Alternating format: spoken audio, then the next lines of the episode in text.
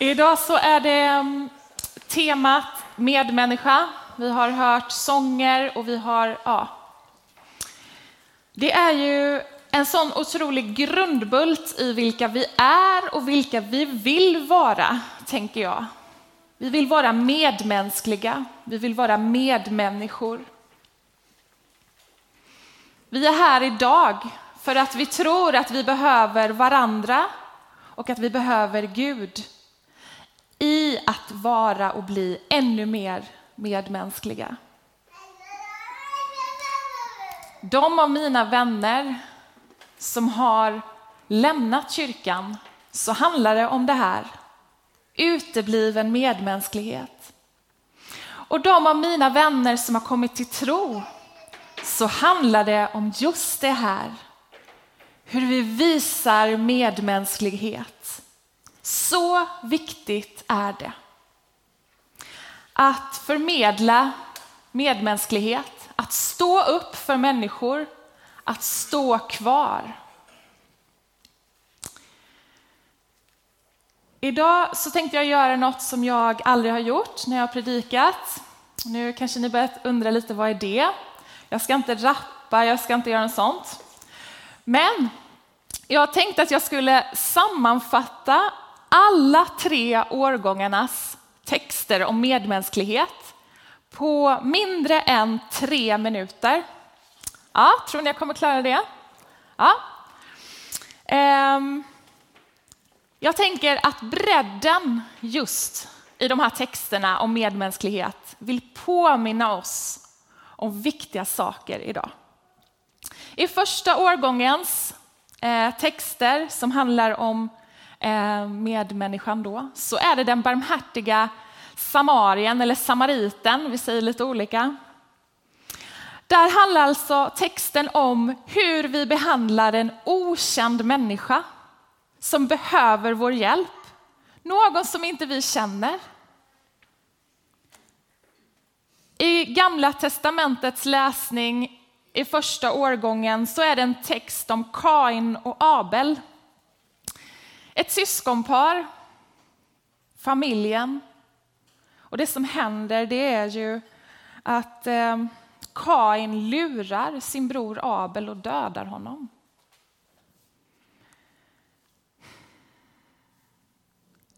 Att det kan vara väldigt svårt med medmänsklighet även i de väldigt nära relationerna.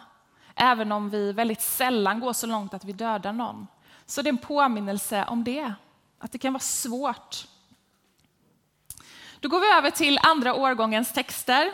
Det är de som egentligen är föreslagna idag. Då står det i Gamla testamentet så här. Du ska öppna handen för din broder och för den fattiga och nödlidande.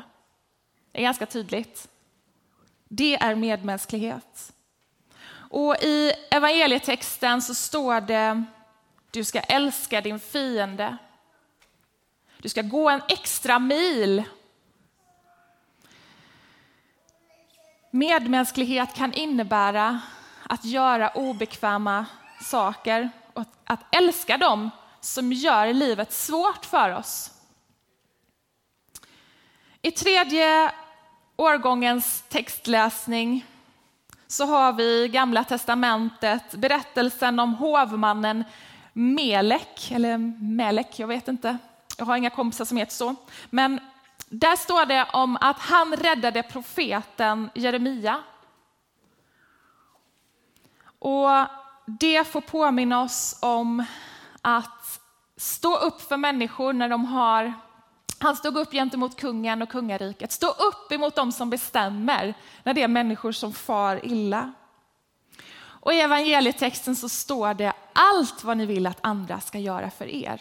Det ska ni också göra för dem. Så det här var en snabb sammanfattning Förhoppningsvis så fick ni med er någonting i den, men för mig så var det i alla fall väldigt starkt att läsa så många olika texter i Guds ord om medmänsklighet och inse att det är väldigt, väldigt utmanande. Och det är väldigt, väldigt olika situationer som försöker säga någonting om medmänsklighet och att vara en medmänniska. Att det både handlar om familjen, de vi har närmast, men det kan också handla om okända. Det kan handla om svåra beslut, men det handlar alltid om människor.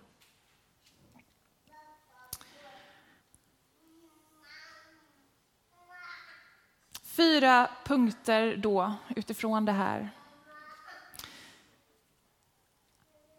Den första är att vara medmänniska, att vara med människor. Att vara där människor är för att kunna se behov.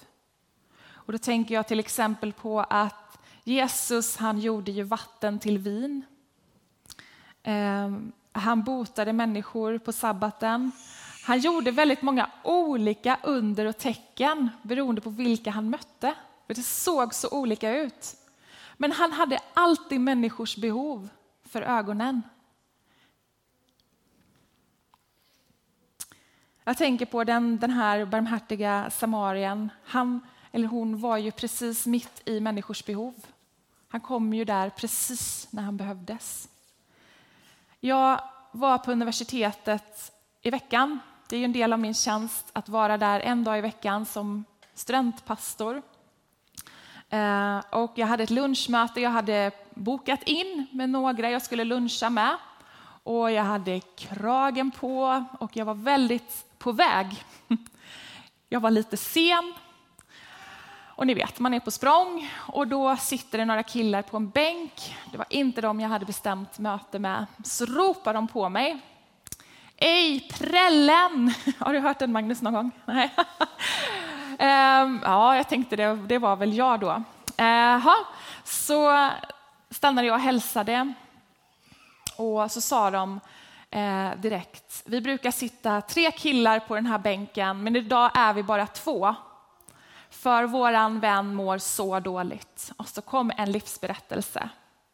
Ett liv. Och de frågade om jag kunde be för dem där. Ehm,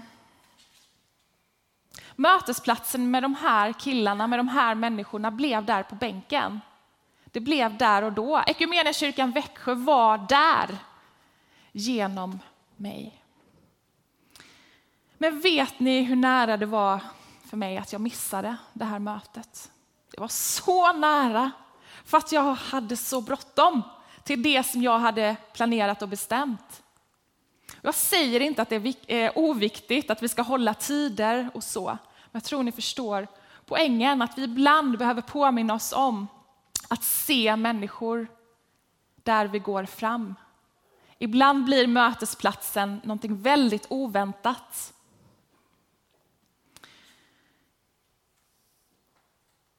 Den andra punkten är att vara för människor. För människors rätt att finnas och vara sig själva och även för människors rätt att finnas när de gör livet svårt för oss. Man ska älska sin fiende. Är det ens möjligt?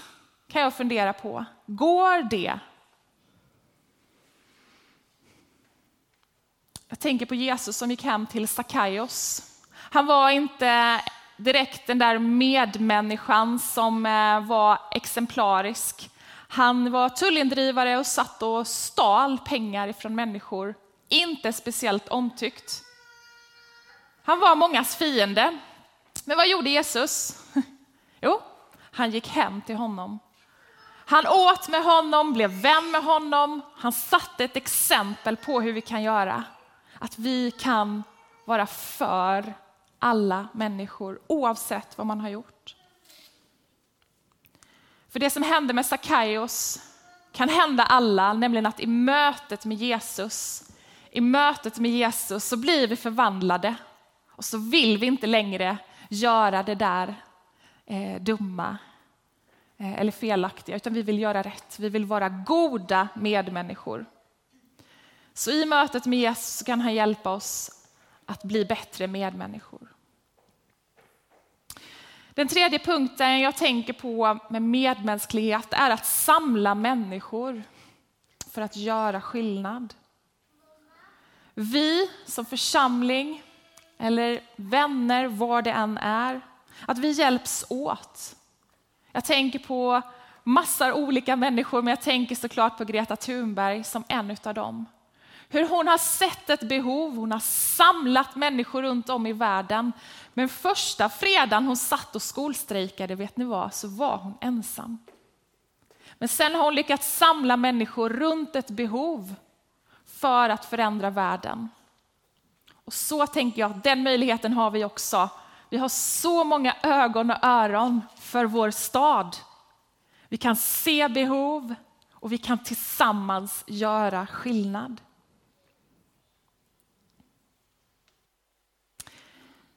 Den sista punkten som jag tänkte stanna upp inför eh, det är att vara en medmänniska. När man själv eller andra har upplevt motmänsklighet. Jag vet inte om det är ett ord. Men alltså när man har upplevt motsatsen till medmänsklighet. Då, då behöver vi varandra. Vi behöver någon som bär oss. Vi behöver någon som ber för oss. Men ibland kan det också vara så att vi själva har varit med och bidragit till motmänsklighet. Och då får vi komma hit till exempel. Vi får be om förlåtelse, vi får ta emot försoningen i brödet och vinet och såklart möta den som vi kanske behöver säga förlåt till. En sån mötesplats är vi också här i kyrkan.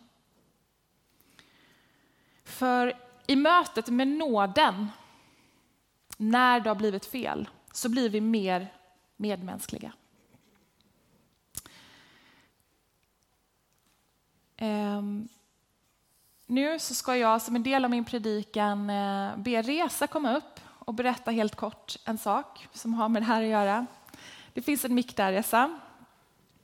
Eh, och Reza ska berätta om en händelse i sitt liv som handlar om det här om att älska sin fiende. Och han kommer att berätta det på engelska. En del av er kommer att förstå. Och allra sist kommer jag göra en sammanfattning på svenska. Varsågod Reza. Hey, hello to everyone. And I'm so sorry that I cannot speak in, uh, Swedish very well. And uh, thank you, Sarah, to let me to share my experience about how uh, the Lord works in my life uh, from the time that I came to Sweden. Uh, when I didn't have any place to live, I uh, go to immigration office and ask them to uh, give me a room. They gave me a room in a, a Lesebo with uh, other five persons, and all of them was all of them were Muslims, not ordinary Muslims, but fanatics. And uh, when I arrived there, they hated me, uh, and also they didn't want to share the uh, room with me. Uh, and uh, they try to uh, bother me as much as they can, so I just left there. and also, even they didn't wash their dishes for more than one week, but they separated my dishes, my clean dishes, and they said that your dishes shouldn't be in the same place with ours. Uh, the uh, first few days, I was just wondered uh, why these are happened to me, and uh, what should I do? I had two options. I could fight with them. I could hate them and I could call police or call migration office. And the other option was I just listen to Jesus Christ and ask him, what should I do? And I pray for that, and I pray for that night and night and night. And Jesus Christ just answered me. After one month, they invited me to share their foods with me. They respect me. And also, uh, when uh, I left there, uh, they told me that we miss you. and they told me that Christians are respectful. And Christians are respectful not because they earn it, because their father is respectful. Thank you very much. Tack Resa. Det Resa berättade helt kort, ehm, det var att när han kom hit till Sverige så hade han ingenstans att ta vägen. Han pratade med Migrationsverket så fick han ett rum i Lessebo. Och där bodde han tillsammans med andra killar som var väldigt aktiva muslimer. Och de eh, hatade Resa. Eh, de gjorde allt för att han skulle må dåligt. Ehm, Ja, han tog några exempel, men bland annat så eh, tog de hans mat och de gjorde olika saker. Och då hade ju Resa kunnat välja att bemöta dem likadant tillbaka, men han gjorde inte det. Han började be för dem. Och efter ett tag så inbjöd de Resa att vara med och äta tillsammans. Och nu när han inte bor där längre så säger de till och med att de saknar honom. Så det är ju vägen att gå, vänner. När vi inte orkar eller klarar av utmaningar i livet så kan vi be allra sist här då. Det handlar om att älska sin nästa. Och mötesplatserna för det kan vara var som helst och när som helst. Oftast så lät Jesus sig bli avbruten för att möta människors behov. Han eh, uppväckte döda, han gjorde eh, vatten till vin och så vidare. Det är ganska olika behov precis som för dig och mig här idag. Våra liv ser olika ut och vi behöver olika saker. Inget är för litet, inget är för stort för att berätta för vår Herre.